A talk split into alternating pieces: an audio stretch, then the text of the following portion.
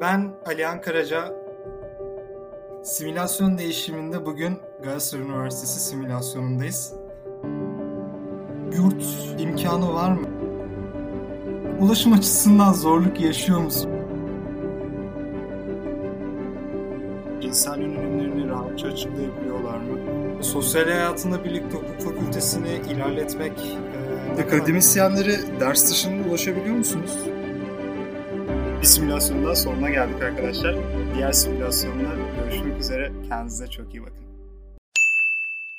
Merhaba arkadaşlar. Bugün simülasyonun değişiminde yeni bir bölümle daha sizlerleyiz. Konuğum Başkent Üniversitesi'nden Kerem Can Kılıç. Kerem hoş geldin. Hoş bulduk Alihan. Nasılsın? İyiyim. Seni sormalı. Ben de iyiyim. Teşekkür ediyorum. Sınavlar sizin çok erken bitti. Evet. Sen de e, yaz stajı geçirdin. evet ya. İçişleri Bakanlığı'nda mı geçirdin? Orayı tam hatırlamıyorum. Detaylara hakim değilim. Ee, onun için de tebrik ederim. Teşekkür ederim. Bizim Başkent Üniversitesi'nin bir de Bilkent Üniversitesi'nin bu kadar erken bitiyor sınavları. Sadece onu ekleyecektim. Bunu... Evet evet her sene ben aynısını yaşıyorum zaten. Bizim genelde daha yeni bittiği için böyle herkes yazı bitirmiş, stajını yapmış ve hayatına devam ediyor oluyor. Biz de daha yeni sınavları bitirmiş oluyoruz. Sağlık olsun. Siz de tebrik ederim. Gerçekten çok hızlı bitiriyorsunuz dönemi. Ama erken de açıyorsunuz. Ben şimdi öncelikle teşekkür ediyorum. Başkent Üniversitesi'nde e, konuğum olarak geldiği için. Ben teşekkür ederim. Aynı zamanda arkadaş olarak e, sohbetime dahil olduğun için. O zaman biraz Başkent Üniversitesi'nin simülasyonundan bahsedelim. Şöyle e, genelde konumdan başlıyorum konuşmalara. Konum olarak Başkent Üniversitesi'nin konumu Ankara içerisinde nasıl ve ulaşım nasıl? Bununla birlikte okulun çevresinde neler var? İşte aktivite olarak olabilir, hastane olarak olabilir, e, bakkaldır, büfedir, restoran tarzındadır. E, sizin kampüsü gezdirmiştin. Çok güzel bir kampüsünüz var. Kendinizin tamamen e, barınabileceği yeşillikleri olan gerçek üniversite diyebileceğimiz bir kampüs. E, bununla birlikte çevresinde neler var onları da konuşalım. E, okulda yurt var mı bunlardan bahsedebilirsin. Öyle ben topu sana atayım. Sen bahset istersen. Tamamdır Alihan. Öncelikle çok teşekkür ederim bu yayını davet ettiğin için. Umarım çok faydalı geçer üniversite tercih yapan arkadaşlar için de. Ee, Rica ederim. Çok da güzel bir konseptin var bu arada. Yani bunun içinde gerçekten hani yani herkes için faydalı olacağını düşündüğüm bir konsept.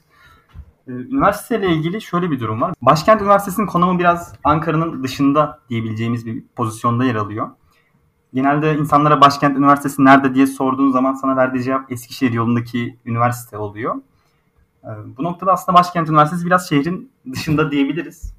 Hatta şehrin giriş kapısı bile gözüküyor. Zamanında Ankara Belediye Başkanı'nın yaptırdığı giriş kapıları var. Ancak hani buraya şehrin dışı işte popülasyondan, merkezden uzak dememiz de doğru değil. Çünkü son 4-5 senedir şehir buralara doğru bir genişleme gösteriyor. Yani burada epey öğrenci, genç, aile, insan var. Ee, ve durum böyle olunca da aslında üniversitenin çevresi de yoğunluk gösteren bir durum gösteriyor bizim için.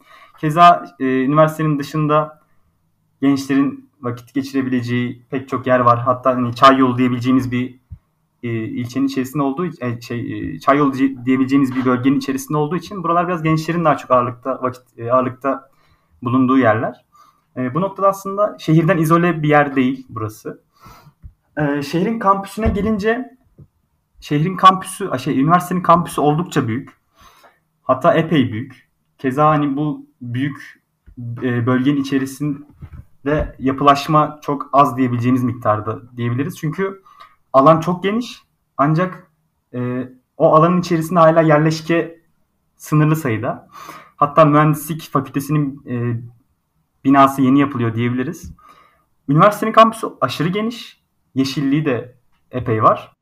Aşırı güzel. Yani e, Kadıköy'de Kadıköy'ün ortasında büyük bir kampüsümüz var Marmara Üniversitesi olarak. Ama full bina dolu. Sizin kampüs ise evet belki biraz daha şehrin dışında. Ulaşım olarak belki şehrin merkezine gidileceği zaman biraz zorlanılabilir. Ama gerçekten o zorluğu çekebilecek enerjiyi sana veren bir kampüsümüz var.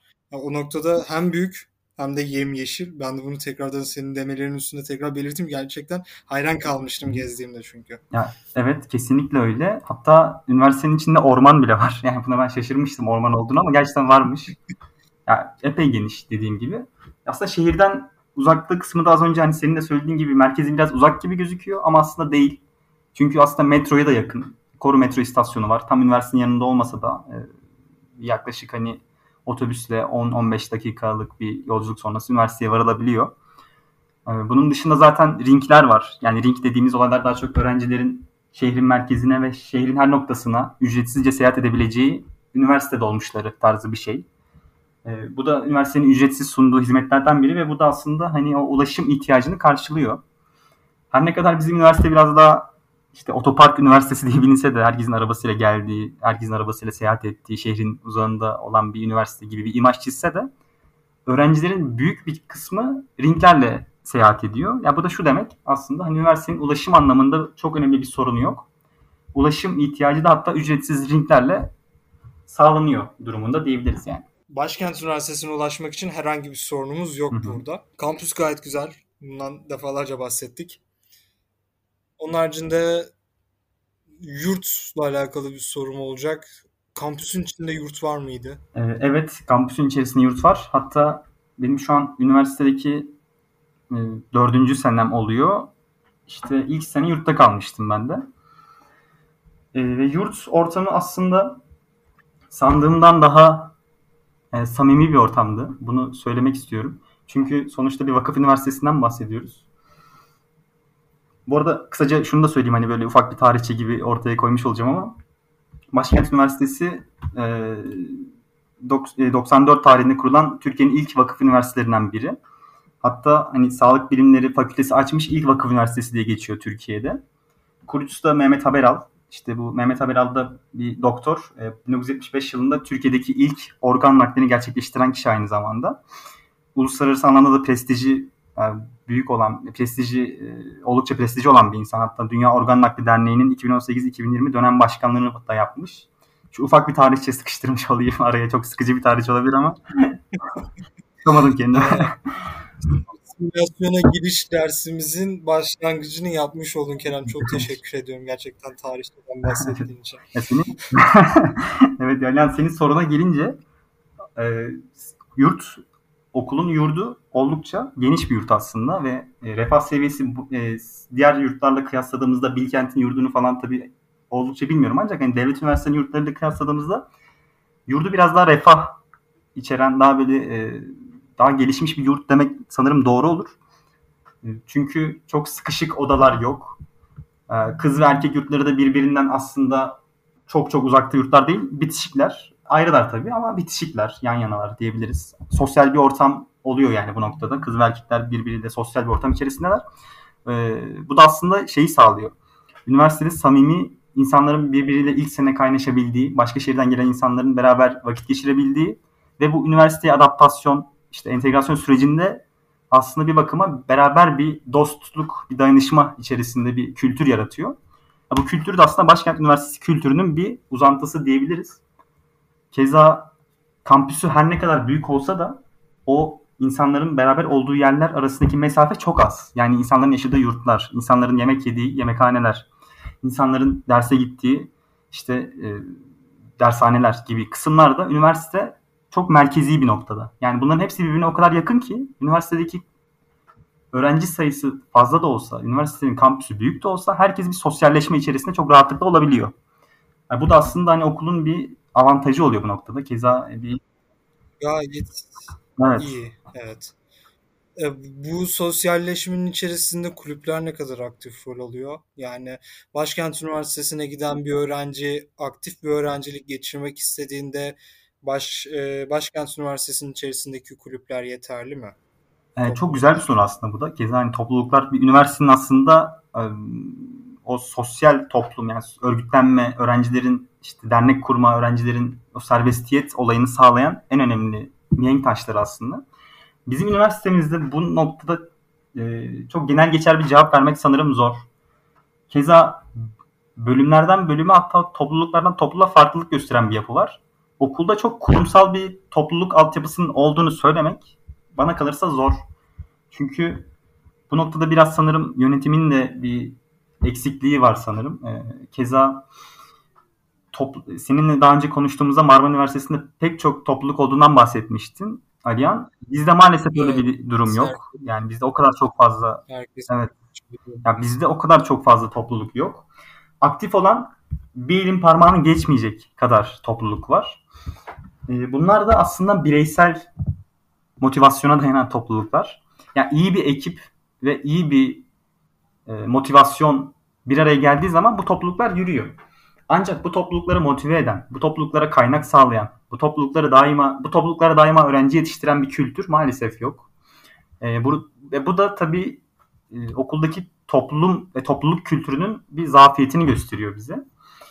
E, ancak yine de son şu karantina döneminde okulumuzda belli başlı kulüpler oldukça bir atılım gösterdiler. Genelde karantina döneminde böyle bir aşağı doğru iniş söz konusu olsa da topluluklar adına işte üniversitemizdeki Başkent Üniversitesi Hukuk Topluluğu işte e, bunun yanında birkaç tane daha hukukla iç içe olan topluluklar. İşte bunun dışında e, hukuk fakültesi dışındaki bir, e, birkaç tane kurulan mesleki topluluklar. Bunlar biraz e, tabii ki de tra- e, yükselişe doğru bir ön diyebiliriz. Yani Ancak bu da tabii bireysel bir motivasyonu ve iyi bir ekip kültürüne dayanan bir durum. Maalesef üniversitenin bu noktada oldukça destekleyici bir pozisyonda olduğunu söylemek bana kalırsa zor çünkü ben de şu an geçen dönemden beri bir topluluk kurma ile ilgili bir projelerimiz vardı arkadaşlarımızla birlikte. Evet, evet. Seni gayet iyi takip ediyorum. Sürekli konuşuyoruz evet. ve her seferinde bir şekilde ertelendiğini Kesinlikle. söylüyorsun. Umarım sen de bunun sonucunu alırsın ve e, gerekli belgeler tamamlanır artık. Evet, dediğin gibi kesinlikle. Bu noktada sanırım biraz zafiyet var ancak tabii bu bireysel motivasyonla çözebilecek bir şey diye düşünüyorum. Peki Başkent Üniversitesi haricinde Ankara'da e, aktif bir öğrencilik geçirebilir miyim? Yani aslında bu önemli bir soru Alihan. Keza aslında Ankara bu konuda öğrencilerin aktif bir topluluk, aktif bir proje, aktif bir gönüllülük deneyimi sürebileceği önemli kentlerin başında geliyor benim şahsi görüşüme göre. Öğrenciler burada sivil toplum kuruluşları vasıtasıyla proje yönetebilirler. Keza pek çok Türkiye'deki pek çok STK'nın merkezinin Ankara'da olduğunu biliyoruz. Ve bu STK'larda da gençlik temelli. Yani biraz daha genç istihdama, genç katılıma dayanan proje temelli STK'lar da Ankara'da faaliyet gösteriyor.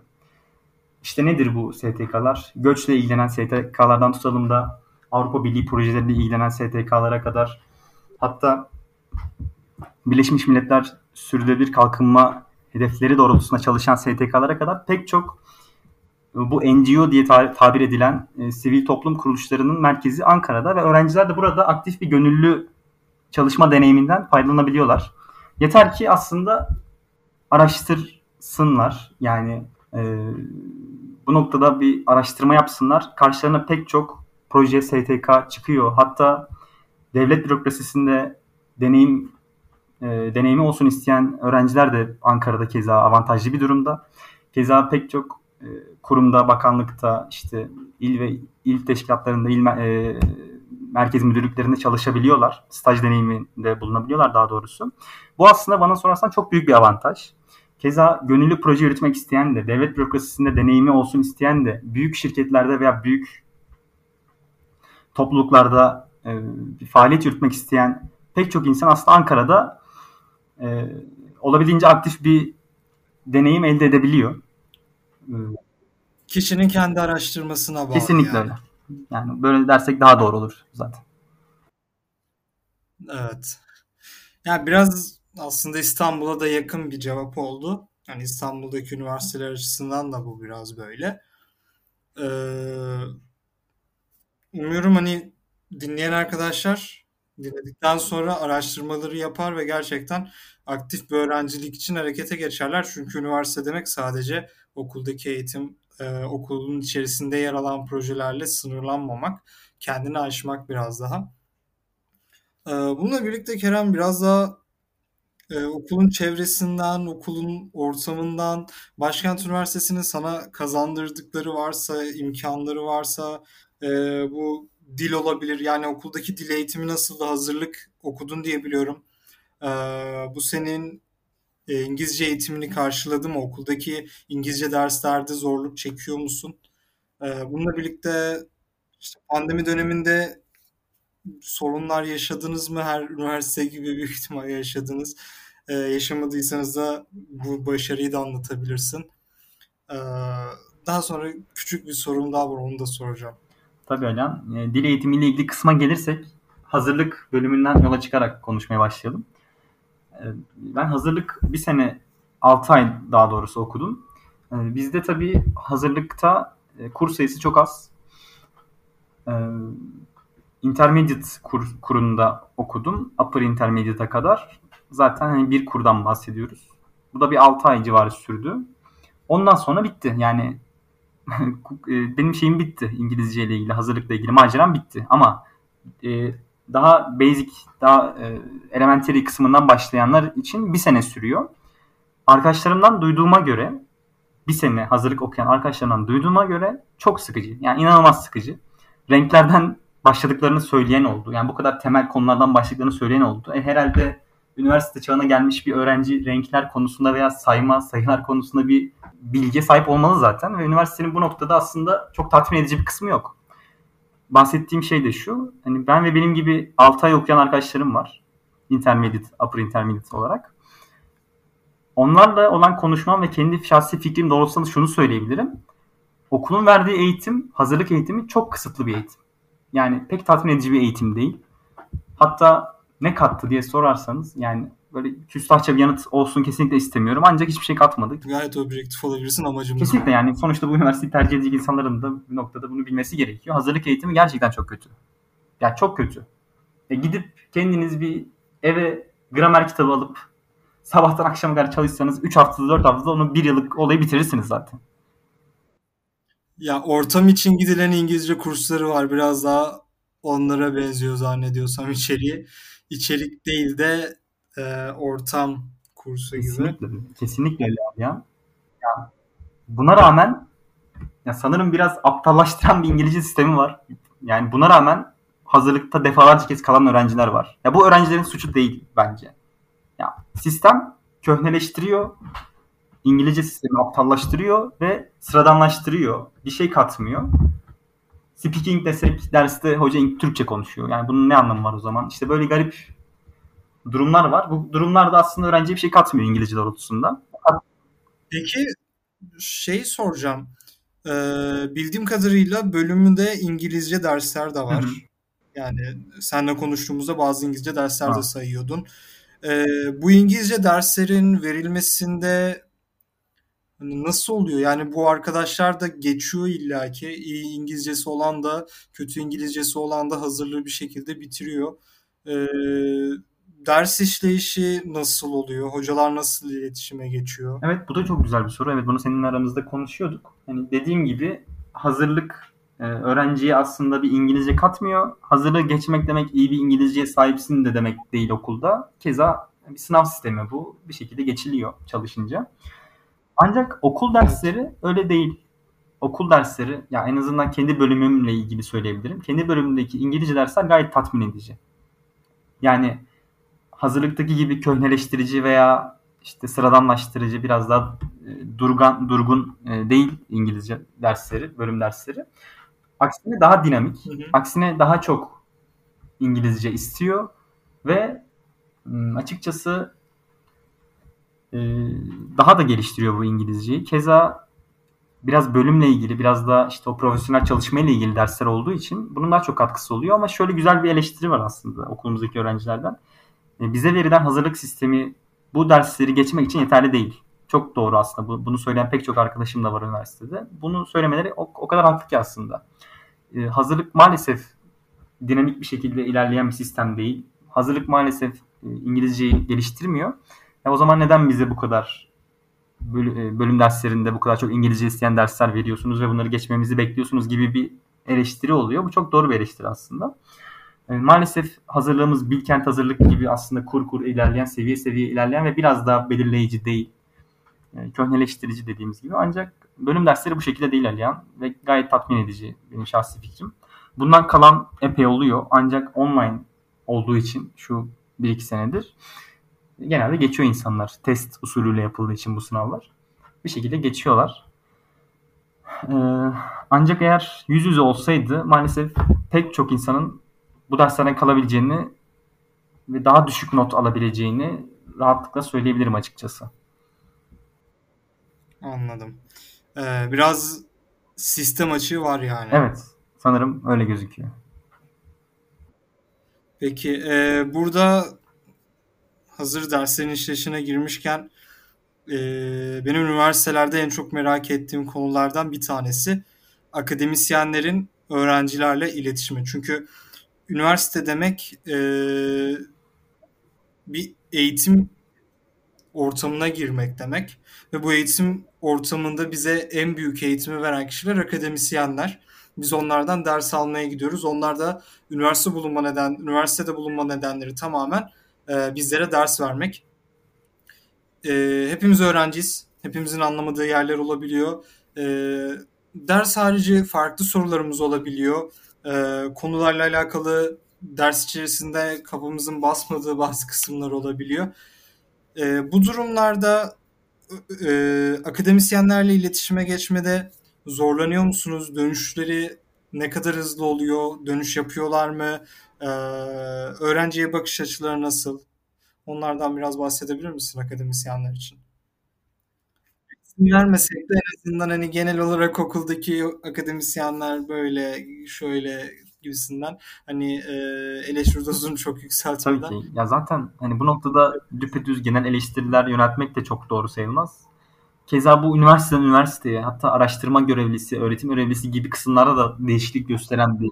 Kesinlikle kişi, kişiden kişiye değişen bir durum. Hani akademisyenden akademisyene değiş, değişir. Ee, ama sonuç olarak her üniversitenin içerisinde bulunan bir akademisyen profili var. Ee, hani çoğu hoca dönmüyordur, birkaç hoca dönüyordur. Orada işte çoğu hocadan dönüş alamazsın denebilir. Yani burada Başkent Üniversitesi'ndeki akademisyenler nasıl? Yani şundan da bahsetmeni isteyeceğim. Ee, bazı okullarda sisteme kayıt olurken, ders kaydı seçerken işte dersi veren kişi olarak profesör gözüküyor ama sene içerisinde tamamen asistan giriyor derse. Bu gibi durumlar ne kadar sıklıkla oluyor? Bundan da bahsedebiliriz. Tabii aslında bu çok önemli bir soru. Keza hani bir üniversiteye geliyorsak o üniversitedeki yetkin insanlardan o eğitimi almak hepimizin hakkı. Sosyal ve anayasal hakkı daha doğrusu. Ee, sanırım bu biraz üniversite üniversite değişiyor senin söylediğinde gibi. Ee, mesela Marmara Üniversitesi'nde daha fazla öğrenci olduğu için belki sen daha iyi bilirsin tabii. Bir iletişim konusunda sorun oluyor mu bilmiyorum. Ama Ee, şöyle, Marmara Üniversitesi çok kalabalık olduğu için evet bazı durumlarda e, yetişmiyor. Hani hocaların çok fazla mail alması da bunda bir etken. Tekrarlayacağım burayı kapı açılıp kapandığı için. Ee, ya tabii ki Marmara Üniversitesi'nde de çok fazla öğrenci var. Ee, iyi niyetli çok hocamız var. Hepsine dönmeye çalışan, e, bir şekilde öğrenciye ulaşmaya çalışan. Ama sonuç olarak çok fazla mail aldıkları için hani dönmemelerini çok anormal karşılamıyorum. Ama Başkent Üniversitesi e, biraz daha öğrenci sayısı az olan bir üniversite. Hani burada akademisyenin dönüşü be- benim için biraz daha önemli. tabii Öğrenci tabii. olarak. Yani dediğin gibi aslında hani bu biraz popülasyona da ilgili. Başkent Üniversitesi'nin popülasyonu biraz tabii Marmara'ya göre daha az. E, bu da tabii biraz daha daha rahat iletişimi getiriyor yanında. Ya hocalarla, akademisyenlerle e, iletişim kurma konusunda çok büyük sorunlarla karşılaşılmıyor diyebilirim. Bunu rahatlıkla söyleyebilirim. Siz bir hocaya mail attığınızda er ya da geç cevap veriyor. Hatta odasına gittiğinizde sizi geri çevirmiyor. Aksine e, oldukça samimi bir havada geçiyor iletişim.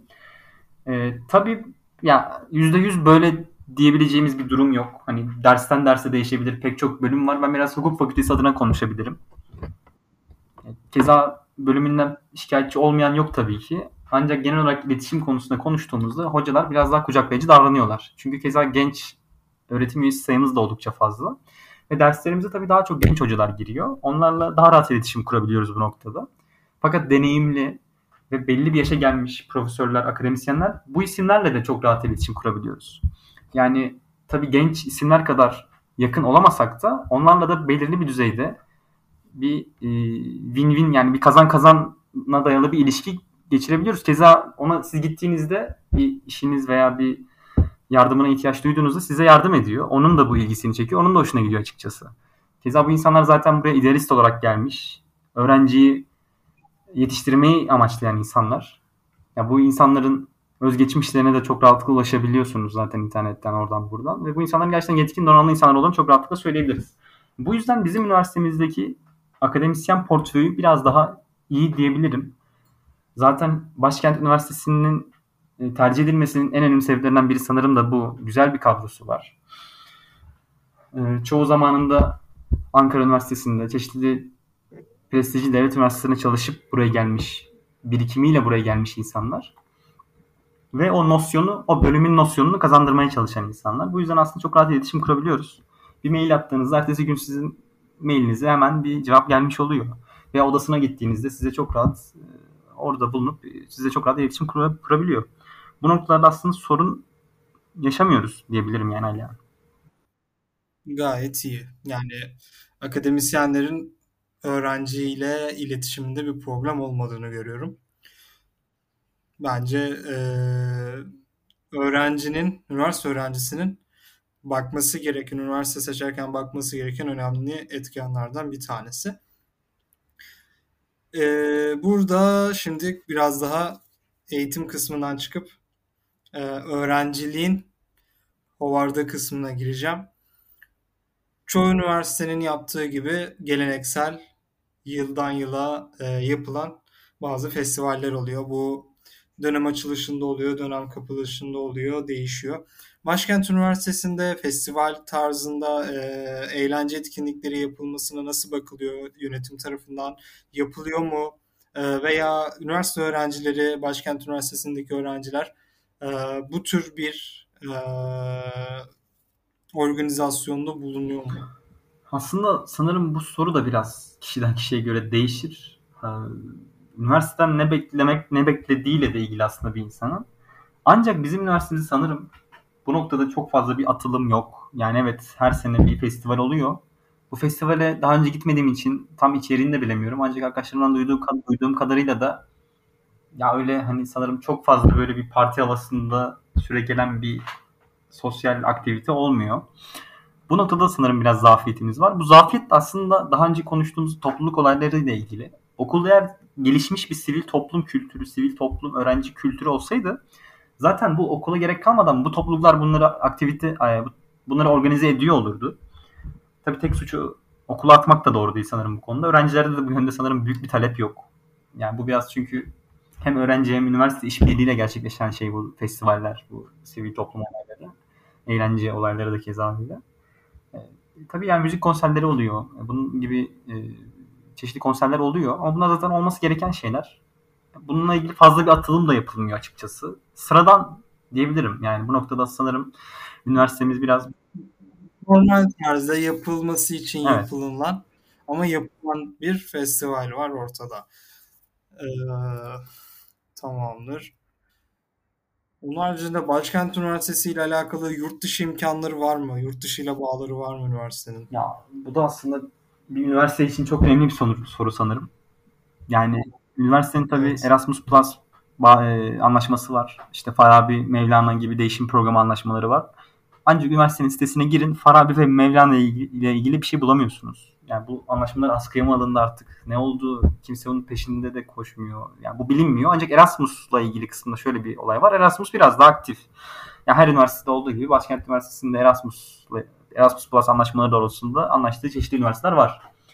Şimdi kendi bölümümle ilgili olarak, hukuk fakültesiyle ilgili olarak Erasmus'la anlaşılan ülkeler İspanya, işte hmm, Makedonya, sanırım İtalya var. Bunun ya da Polonya var.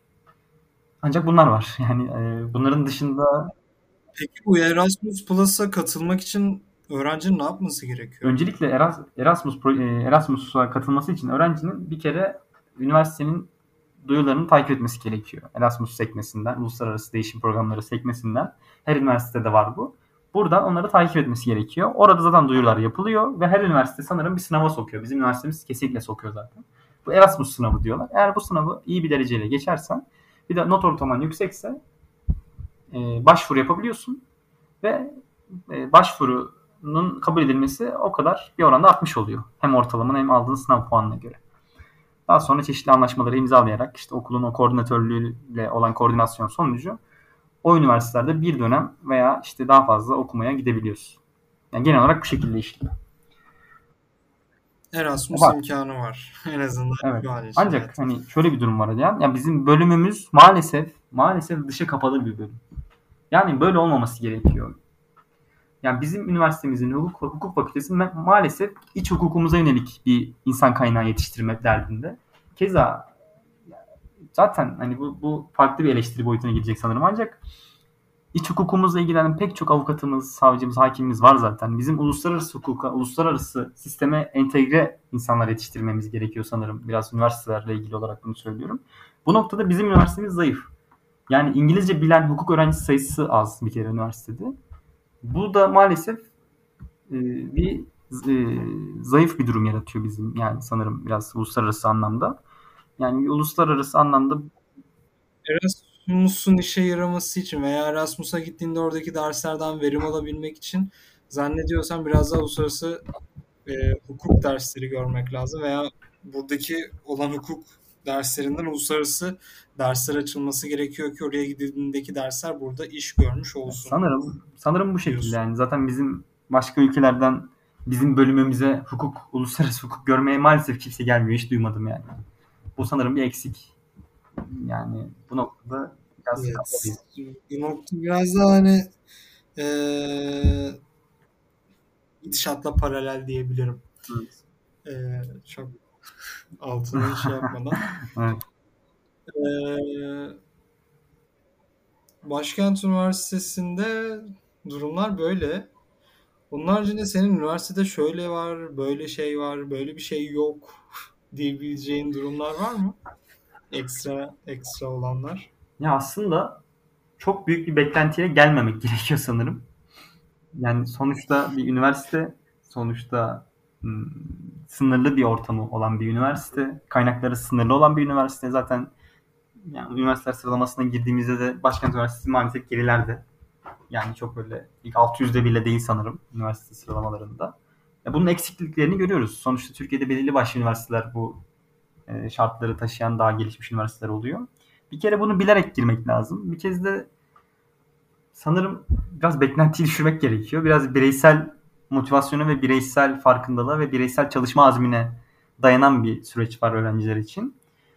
Hmm, çok umutsuz olmaya da gerek yok. Sonuçta üniversite sosyal bir ortam. Her şeyden önce insanların sosyalleştiği bir e, ekosistem. E, bu ekosistemde de bir kere o sosyalleşme sonucu tanışılan insanlar e, çok şey katıyor.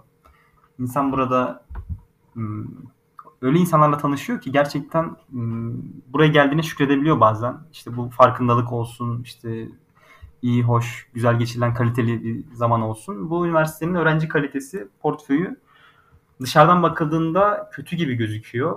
Biraz hani bunun nedeni sanırım biraz vakıf üniversitesi olması, özel üniversite olması.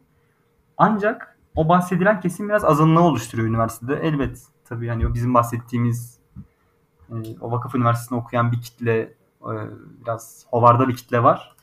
Ancak sonuç sonuç itibariyle buraya gelen çok kaliteli insan var bana sorarsan Alihan. Yani o yüzden Başkent Üniversitesi'nin öğrenci portföyü çok kötü değil. Aksine üniversitede her her tiplemeyi bulmak mümkün. E, her üniversitede olduğu gibi insan kendine uygun bir çevreyi, habitatı zaten arayarak ediniyor. Bu noktada bir sorun sorun aslında olmuyor diye düşünüyorum. Yani insan aradığında bulabiliyor. Yani kısaca bence. Anladım. Yani e, burada gelen kişinin hangi üniversite olursa olsun e, sessiz kalmaması gerektiği ve bir şekilde aktif olması gerektiği e, sonucuna varıyoruz. Her konuşmada olduğumuz gibi gerçekten aktif öğrencilik üniversite öğrencisi için e, alabileceği en verimli olay. E, hani üniversitede umarım herkes aktif bir öğrencilik geçirir. En azından bir yerlere katılır. E, bu okul kulübü olur, STK olur hiç fark etmez. E, bir şekilde e, topluma karışırız. Ee, Başkent Üniversitesi ile alakalı konuşacaklarımız bu kadar zannediyorsam. Evet, sanırım bu kadar. Tamamdır. O zaman Başkent simülasyonuna gelecek arkadaşları şimdiden tebrik ederiz. Umarız harika bir üniversite hayatı geçirirler. İnşallah. Ee, Kerem'cim ben de sana ayrıca teşekkür ederim tekrardan katıldığın için. Ee, biz seninle tekrar devam edeceğiz zaten konuşmaya Başkent Üniversitesi ile alakalı. Biz sürekli konuşuyoruz. Ee, yine merak edenler olursa üniversiteyle alakalı e, dilersen LinkedIn profiline Spotify açıklamasını ekleyebilirim. Tabii. E, oradan da sana ulaşabilirler. Tabii memnuniyet duyarım. E, tamamdır. Kerem'e bağlantı gönderirken podcast'ten geldiğinizi söylerseniz daha iyi olur. E, o noktada belki daha iyi yardımcı olur. ben de en azından belki bir veri alırım. Şu kadar kişi bana podcast'ten yazdı diye. Her zaman. E, o zaman herkese iyi simülasyonlar diliyorum. Kendinize çok iyi bakın. Görüşmek üzere. Simülasyon değişimi tamamlandı. Tüm verileriniz MEB dosyasından YÖK dosyasına aktarılmaktadır. Lütfen bekleyiniz.